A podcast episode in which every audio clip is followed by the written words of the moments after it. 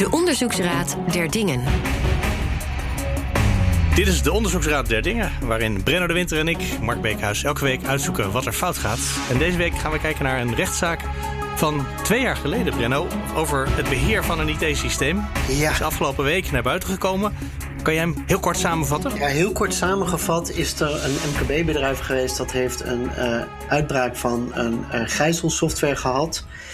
En uh, daaruit bleek dat toch wel in de ICT-omgevingen uh, veel dingen niet deugden. Nou, daar gaan we zo meteen doorheen lopen. Maar dat zie ik eigenlijk heel erg vaak wel gebeuren. Maar wat hier bijzonder is, is dat uh, dat bedrijf is naar de rechter gestapt en heeft gezegd tegen de beheerspartij: jullie hebben het beheer niet goed gedaan.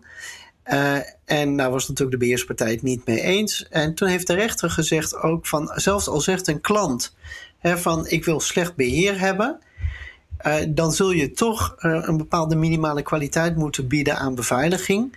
En anders ben je mede verantwoordelijk voor het incident. En dit bedrijf moest twee derde van de kosten betalen, inclusief, en dat vond ik ook wel bijzonder, de bitcoins die betaald zijn. Oké. We hebben twee getuigen.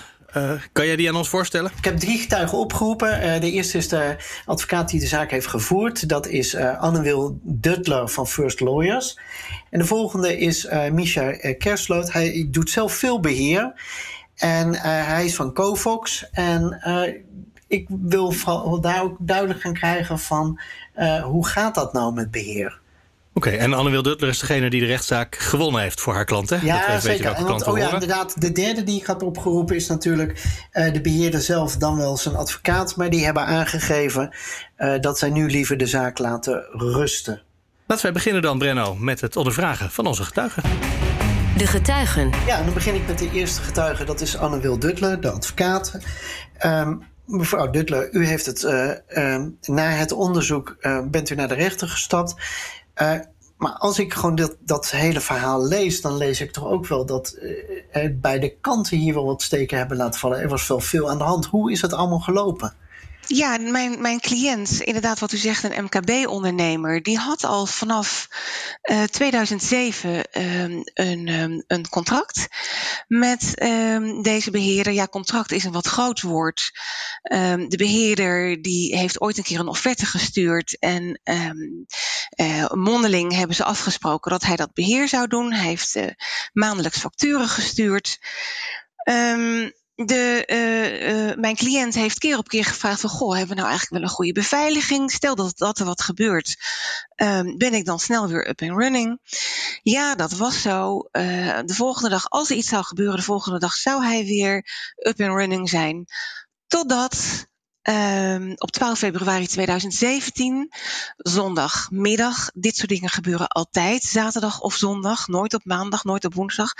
Mijn ervaring is bijna altijd in, op dit soort gekke tijden. Um, toen werd hij het slachtoffer van een ransomware aanval. Zijn data werden alle ge, uh, versleuteld. Gijzel, gijzelsoftware is dat. Um, hij kon niet meer bij zijn data en het bleek al heel snel dat hij ook niet meer bij de data kon die op zijn backups stonden. Nou. Werden die dan niet uh, zeg maar, gemaakt en dan nee, losgehaald nee, van het netwerk? Nee, nee dat is heel jammer. Um, uh, ze werkten met uh, rolerende uh, backup schijven, maar daar zijn ze van afgestapt. er was ook geen firewall aangelegd.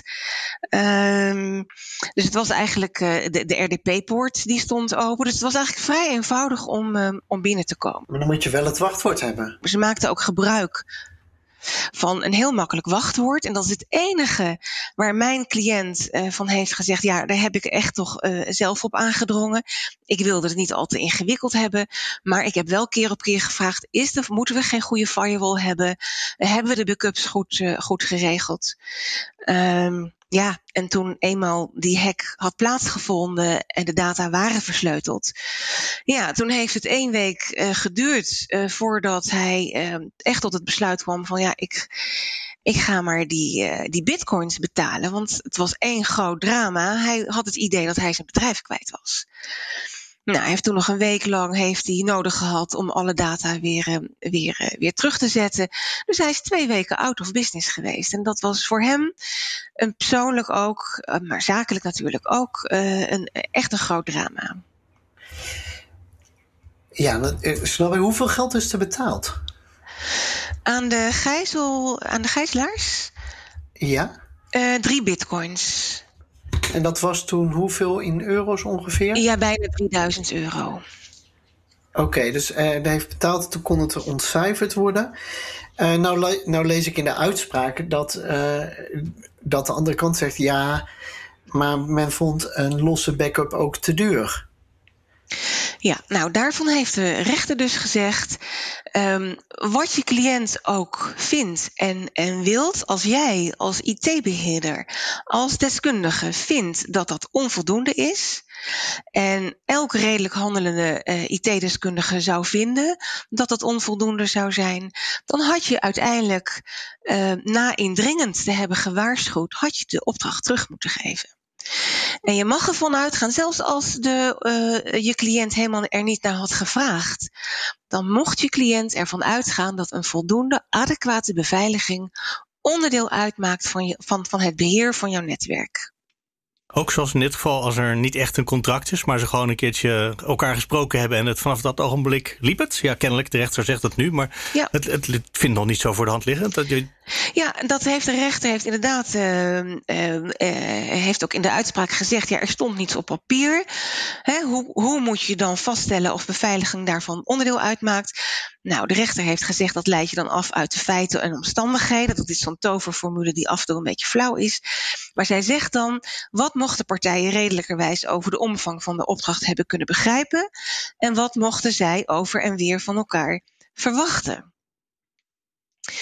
Um, wat deze beheerder ook heeft gezegd: van ja, mijn cliënt wilde geen uh, adequate beveiliging. Wat overigens niet zo was. Hè? Mijn cliënt wilde wel degelijk een adequate beveiliging. Maar de wederpartij, de IT-beheerder, zei nee, hij wilde dat zelf niet. Toen heeft de rechter gezegd: ja, dus je gaat er, je erkent ook zelf dat de beveiliging onderdeel uitmaakte van de opdracht. En de rechter zegt ook: het is moeilijk voorstelbaar hoe onder deze opdracht een totaalpakket te leveren niet tevens de aanleg van de daarbij behorende beveiliging kan zijn begrepen. En dan zijn dingen als firewalls, kan ik me zo voorstellen, ja, daar begin je mee. Dat is ook niet ingewikkeld. Dus dat is, uh, is geen dure investering. En backup, met, uh, dat is misschien alweer ingewikkelder. Met veel geregel als je dat offsite wil doen en mee wil nemen. Ja. Maar ja, zo, zoiets simpels als een firewall, daar mag je toch zeker van uitgaan. Absoluut, absoluut, ja. Dit betekent dus dat als ik dus uh, iets neerleg als klant bij een beheerspartij, dat ik daar dus ook gewoon ook impliciet dingen van mag verwachten. Ja, ik zou overigens altijd adviseren om dat expliciet te maken. Hè? Beter vooraf je verwachtingen expliciet maken. Um, maar als je dat niet doet, dan ga je dus kijken naar die, die maatman, die redelijk handelend vakbekwaam IT-deskundige, die ik net ook al noemde. Nou, en, en dan gaat de rechter dus kijken van ja, wat mag je gerechtvaardigd verwachten? Nou, je mag altijd verwachten dat een beheerder zorgt voor adequate beveiliging. Je, ik, ik, maak altijd de vergelijking met de auto die je oplevert. Ja, daar zit altijd een slot in. Ik heb nog nooit een auto zonder slot opgeleverd zien worden. De beheerder had uh, moeten zeggen: Ik merk dat jullie echt geen beveiliging willen. Uh, want dat is zijn claim. Uh, we gaan toch maar zo'n contractje maken waarin jij expliciet zegt: Ik wil alles van je hebben, maar zeker geen beveiliging. Nou, in, in dit geval wilde, de, wilde mijn cliënt wel degelijk beveiligen. Nee, maar als, als het verhaal van de kant van de beheerder zou uh, kloppen en overgenomen zou zijn door de rechter, ja. dan, dan is echt de, de, wat je vanaf vandaag uh, meteen moet regelen. Op het moment dat je iets doet waarvan je denkt: hier zou ik tekort kunnen schieten, dan moet je expliciet op papier nu gaan zetten. Ik weet dat ik nu iets ga leveren waar jij niet gelukkig van wordt. Maar uh, jij wilt nou helemaal niets anders, dus ik ga me indekken. De rechter gaat nog een stap verder. De rechter zegt dan ja, dan moet je je opdracht neerleggen. Dan kan jij niet goed werk leveren, dus dan moet je ook er afstand van nemen. Ik werd toen ik dat gedeelte las ook best wel blij. Want ik verlies wel eens klanten op het moment dat ze beginnen te begrijpen dat uh, adequate beveiliging gewoon een bepaald uh, prijskaartje heeft. En uh, als je dan je verantwoordelijkheid neemt, gewoon om, niet om juridische redenen, maar omdat je professioneel wil zijn, vind ik dit wel. Uh, ja, nu zegt eigenlijk gewoon de rechter van je hebt het dus al die jaren gewoon goed gedaan. En dat is wel prettig. ja, voor jou. Uh, voor dat ene bedrijf dan niet. Nee, maar Dit ik kan me mij... voorstellen. Maar ja, inderdaad, net werd ik parallel gemaakt met dat slot. Um, is de, het juridische verschil hier ook dat hier sprake is van een beheersconstructie? Dat is dat elke maand hè, of elk kwartaal geld wordt overgemaakt. Maakt dat uit? Nou, dat, dat heeft de rechter niet mee laten wegen. Nee. Dus als ik een stuk software zou maken, dan zou daar ook gewoon het, het basisniveau van beveiliging in moeten zitten al. Nou ja, in dit geval ging het om een totaalpakket. Hè. Deze beheerder heeft de IT-omgeving ingericht en heeft uh, het beheer en onderhoud maandelijks gevoerd. Dus dat, dat, dat heeft de rechter wel meegewogen. Het ging om een totaalpakket en daar hoort dan beveiliging bij. Het lijkt mij iets wat ongelooflijk verstrekkende gevolgen moet hebben. Want er zijn natuurlijk heel veel MKB-bedrijven die dit zo min of meer ondershands bij iemand die dat voor heel veel bedrijfjes doet, uh, hebben ondergebracht. Ja. En al die kleine bedrijfjes die lopen nu ineens een enorm risico. Maar dat blijkt dat ze dat al die tijd al liepen. Ja, en, en, en nogmaals, ik, ik zou ook echt aanbevelen om, om echt contracten te sluiten. Um, en, en, en goed vanaf het begin af aan uh, duidelijk te maken: uh, dit ga ik doen uh, en dit mag je van mij verwachten en dit verwacht ik van jou. Hè? Het is wederkerig. Het is niet alleen dat die IT-beheerder van alles moet. Maar, maar, maar de klant moet zich er natuurlijk ook van, van vergewissen dat, uh, dat er echt sprake is van een voldoende beveiliging. Maar hoe moet een klant dat doen? Want de meeste klanten die ik zie, uh, die zijn niet eens in staat om uh, de normale opdracht goed te verstrekken of te verwoorden. Laat staan dat die uh, nog een stap verder kunnen gaan. Ja, dat klopt. En dan, dan, dan, dan kijk je dus naar, nou, wat dat doet de rechter. In dit geval was dat niet aan de orde, maar over het algemeen. Kijkt de rechter dan naar, ja, hoe groot is het bedrijf? Wat voor kennis is aanwezig? Hebben ze gebruik gemaakt van adviseurs of niet? Nou, dat is in, in dit geval, als je spreekt over MKB-bedrijven, is dat vaak niet het geval. Ja, dan mag je dus vragen, dan mag je dus volstaan als bedrijf van ja, ben ik, uh, ben ik voldoende beveiligd? En als dan de beheerder zegt ja hoor, uh, binnen een dag ben je up and running, dan mag je daarop afgaan. Dan hoef je verder geen onderzoek te doen. Dat is anders als je het hebt over een, een grote multinational waar IT-afdelingen zitten. Daar heb je hele andere onderzoeks- en informatieplichten. Maar in deze situaties uh, mag een bedrijf gewoon afgaan op, uh, op wat de IT-beheerder uh, hem zegt. Wat me nog opviel in de zaak is dat nergens het woord antivirussoftware valt. En uh, we rekenen toch gijzelsoftware toch wel tot de virussen, zeg maar. Ja. Tot de malware. Ja, dat komt omdat het onderzoeksbureau uh, dat is ingeschakeld vlak nadat die ransomware-aanval had plaatsgevonden, om na te gaan hoe heeft dat nou zo kunnen gebeuren. Die heeft geconstateerd drie belangrijke, onder, uh, drie belangrijke oorzaken: ontbreken van een firewall, geen goede backup structuur en te makkelijke wachtwoorden.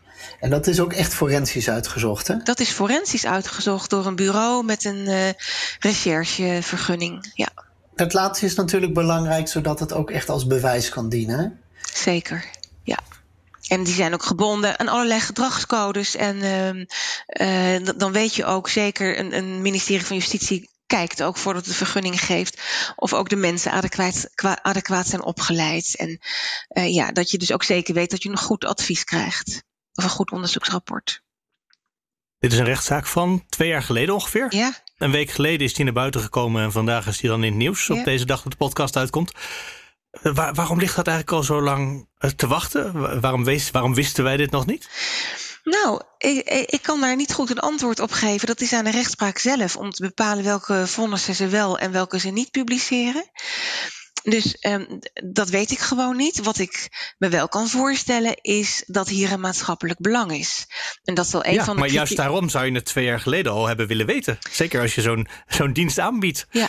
Ja, ik weet dat toen, de, toen het vonnis net was, uh, was uitgebracht, um, heb ik nog wel gevraagd aan de rechtbank: wordt het gepubliceerd of niet? Maar daar konden ze geen uitspraken over doen. Dus ik was net zo verrast, uh, verrast als u dat het ineens uh, naar, naar, naar buiten komt. Ja.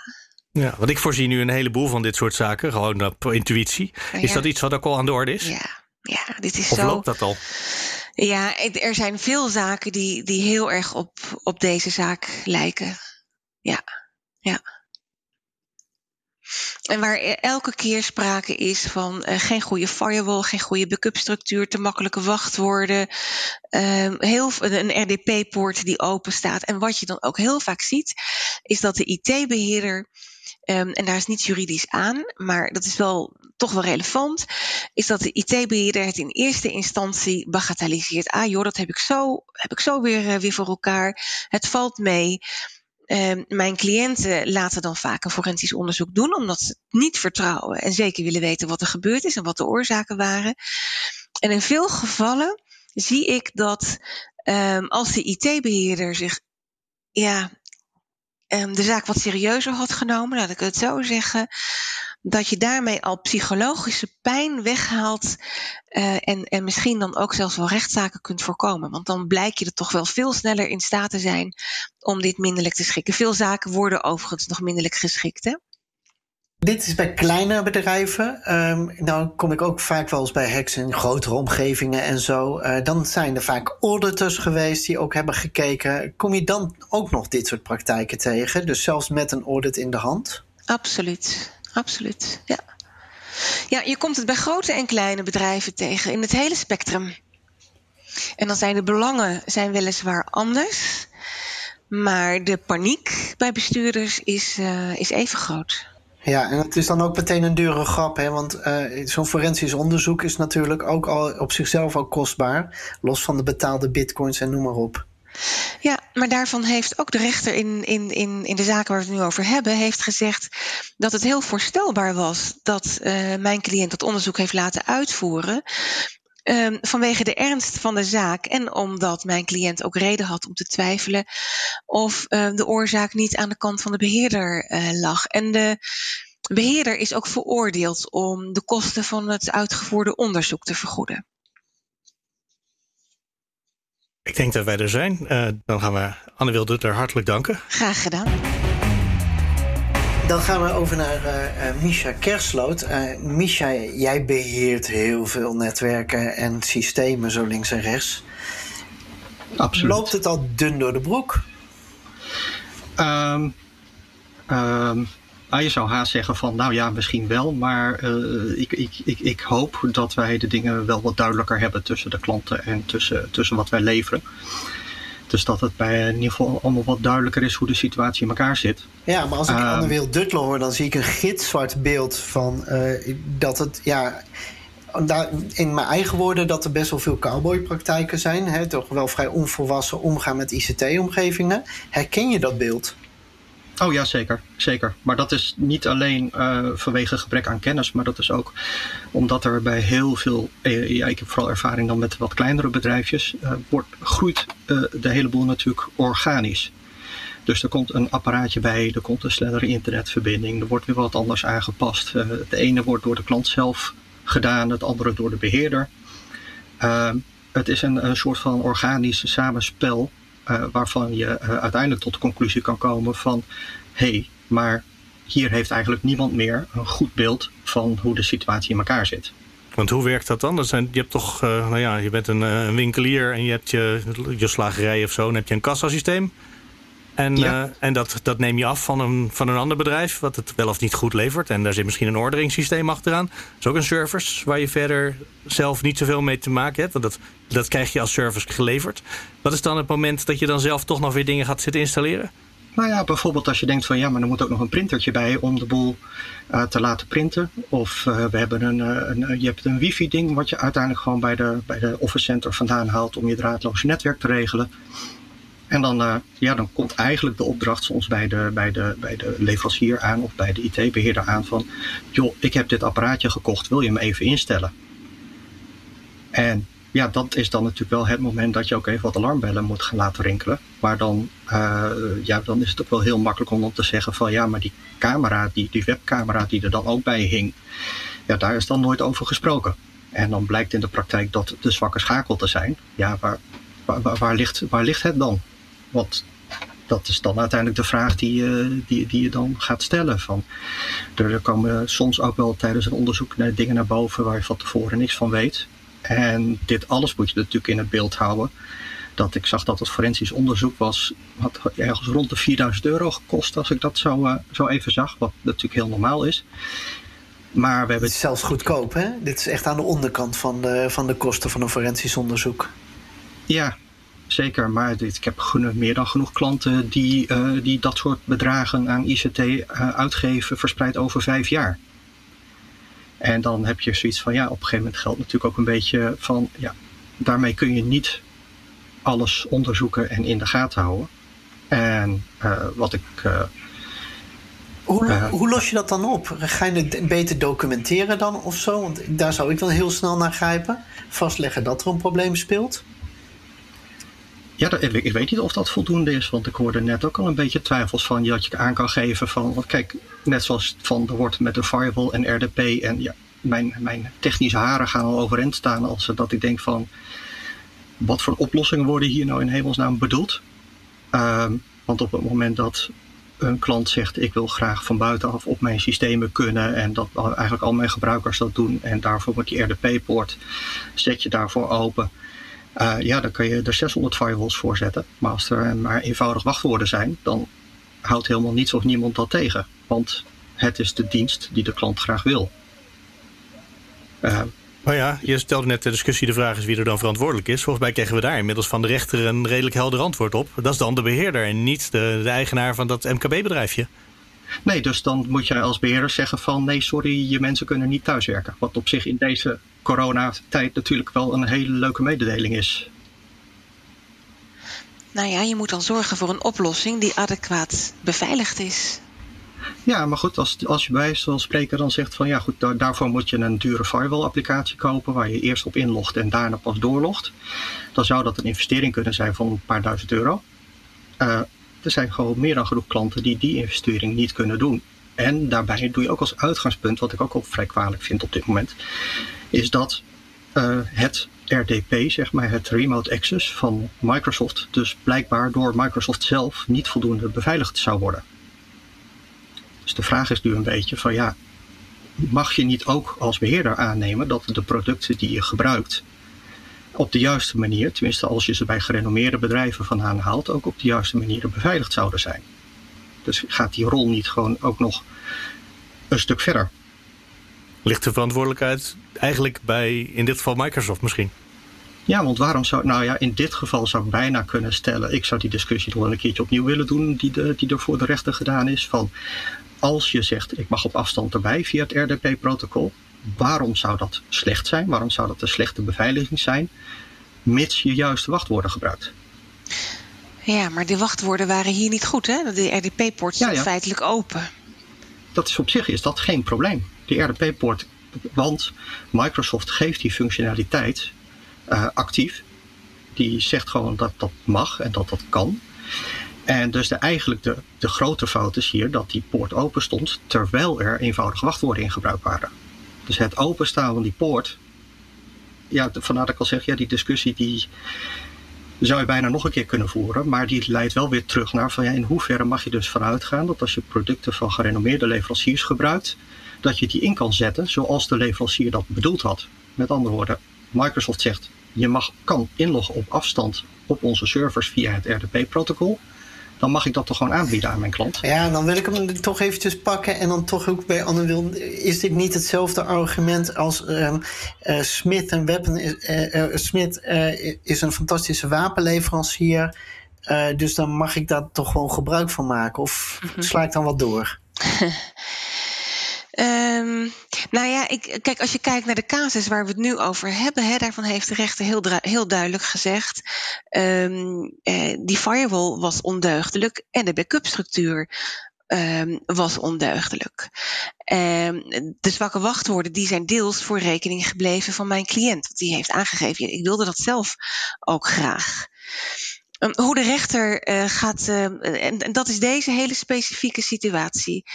Ik weet wel, en daar kijkt ook het Forensisch Onderzoeksbureau na, in alle onderzoeken die ze doen, is dat ze ook nagaan, heeft deze beheerder de spullen gebruikt zoals die door de toeleveranciers worden voorgeschreven? Ehm, dus als Microsoft voorschrijft dat je op een bepaalde manier iets moet installeren of toepassen, dan moet jij als beheerder kunnen aantonen dat je dat ook daadwerkelijk hebt gedaan. En dat was ook niet aan de hand, of wel? Nee, dat was hier helemaal niet aan de hand. Nee. Nee, precies. Nee, totaal niet. Dit is dus ook een kwestie van documenteren. En dan weer zo meteen terug naar Misha. Ja, je moet, ik, mijn advies is altijd om alles zoveel mogelijk te documenteren. Want dat is je enige uh, bewijspositie die je hebt. Behalve dan dat je deskundigen iets kunt laten uitzoeken of getuigen iets kunt laten verklaren. Maar je, je, je schriftelijk bewijs is altijd, uh, is altijd heel belangrijk. Die vraag wil ik even aan Misha voorleggen. Want als je heel veel gaat documenteren, dat wordt, dat, ik snap dat een jurist dat meteen denkt. Ja. Uh, en automatiseerders zijn voor een deel ook wel gewend dat er veel gedocumenteerd moet worden. Maar ja, moet niet alleen maar administratie zijn, denk ik dan. Nou, ik, ik, ik, ik vrees dat, maar die beslissing heb ik uh, voor mezelf, maar dat is een persoonlijke uitspraak, dat uh, administreren uh, ongeveer 50% van mijn werk is geworden de afgelopen jaren. Zeg maar, ik doe dit inmiddels al een jaartje of twintig, iets langer nog. En je merkt gewoon dat, dat ook de verwachtingen van klanten over wat je bijhoudt en wat je administreert steeds groter wordt. Dus ja, dat is. ik vrees dat dat onderdeel is van, de, van het volwassen worden van het vak. Ja, want dat vak van, van ons dat is, is niet volwassen genoeg wat jou betreft? Um, nou ja, het is op zich. Ik denk wel dat het, dat het volwassen is, maar je merkt gewoon in de praktijk. Het is jong. Ja, dus, ja misschien is jong wel tegengestelde van volwassen. ja, ja, jij hebt wel gelijk. Het blijft, het blijft natuurlijk een jong vak. Maar ik wil nog één argument erbij geven: is van de, de, de, de, de, het nare is en daar moet je ook doorheen, is dat uh, op het moment dat je de dingen documenteert, krijgen wij toch met een bepaalde onregelmaat van de klanten naar ons toe van, ja, je bent je alleen maar aan het indekken. Dus dat we daadwerkelijk van een klant iets, iets, iets, aan ons iets vraagt en wij zoiets hebben van, ja, maar wacht even, dit is niet helemaal goed. Dus dan gaan we zeg maar echt even op de e-mail heen en weer communiceren van, goh, jij vroeg dit, maar wij vinden dat en misschien is dat toch niet het beste. Uh, dan krijg je daar een telefoontje overheen. Zeggen we van nou schrijf het even op de e-mail, want dan hebben we het meteen in het archief. Ja, ja, ja, dat, ja jullie zijn je alleen maar aan het indekken. En dan heb zoiets van ja, uh, of dat nou wel of niet zo is, uh, het zij zo.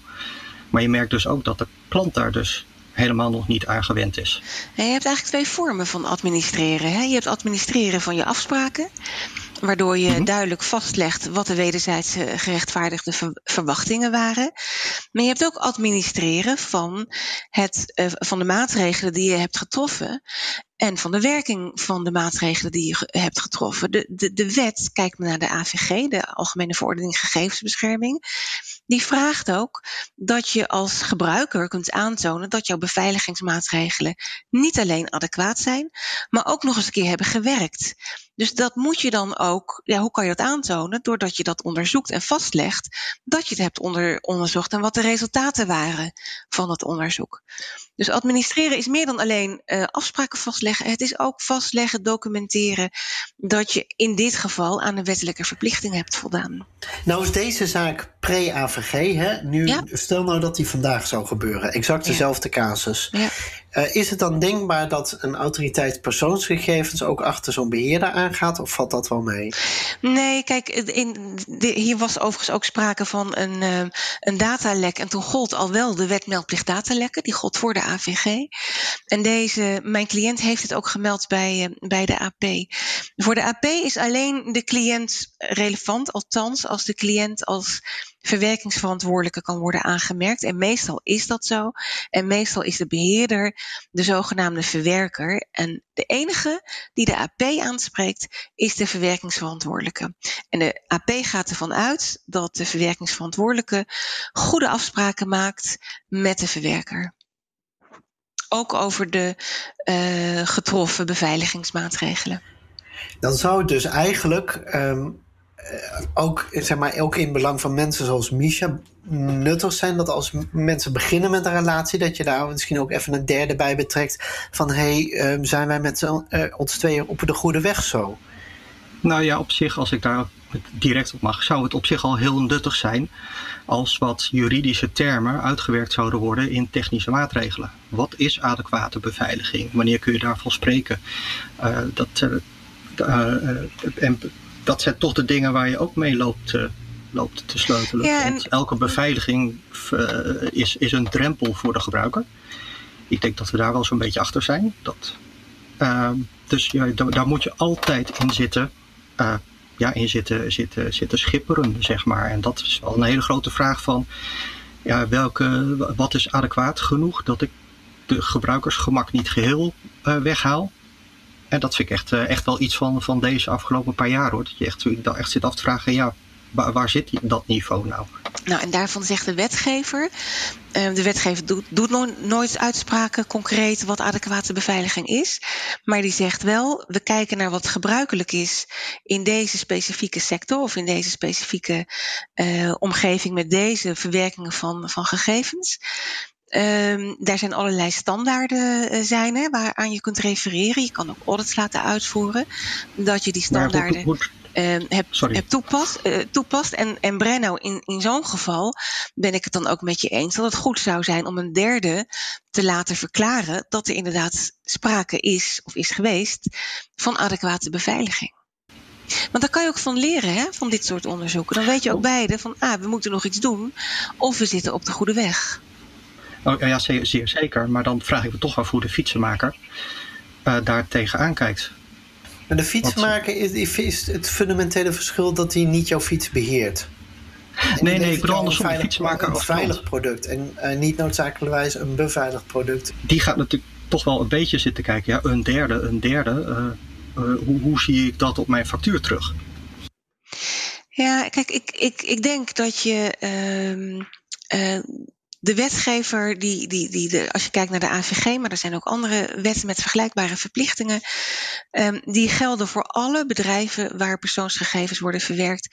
Um, en waar dus, een, waar dus een beveiligingsplicht geldt. Kijk, voor die kleine bedrijven zijn er brancheverenigingen, zijn er um, NL Digital is er bijvoorbeeld, die uh, allerlei handreikingen doet om dit soort bedrijven te helpen met het adequaat beveiligen van hun IT-infrastructuur.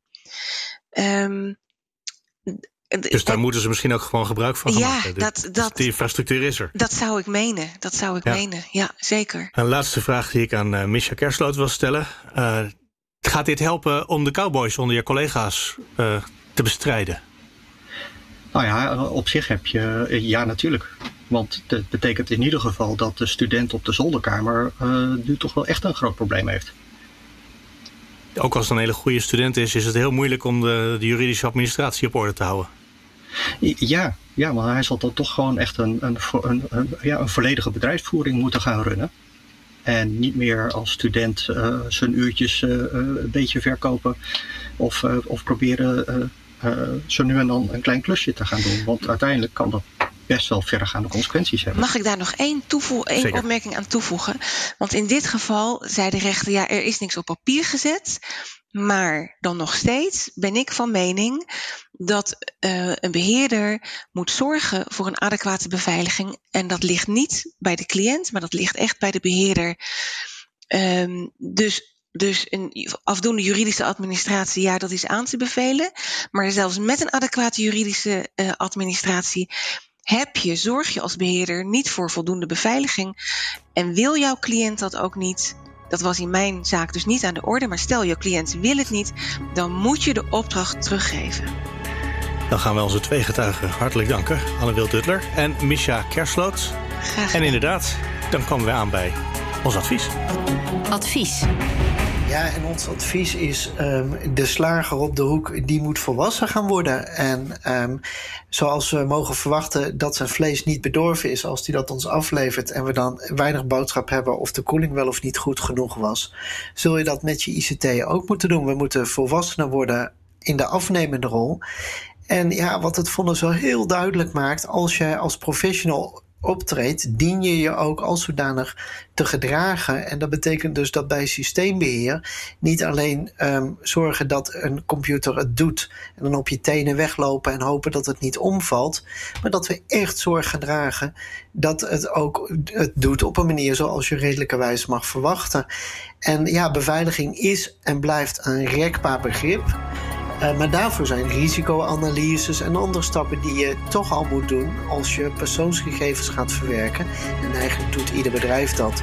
Dus eigenlijk is het allerbelangrijkste advies aan alle partijen, zowel de klanten als de leveranciers, wordt volwassen. Vergeet je niet te abonneren op deze podcast, De Onderzoeksraad der Dingen.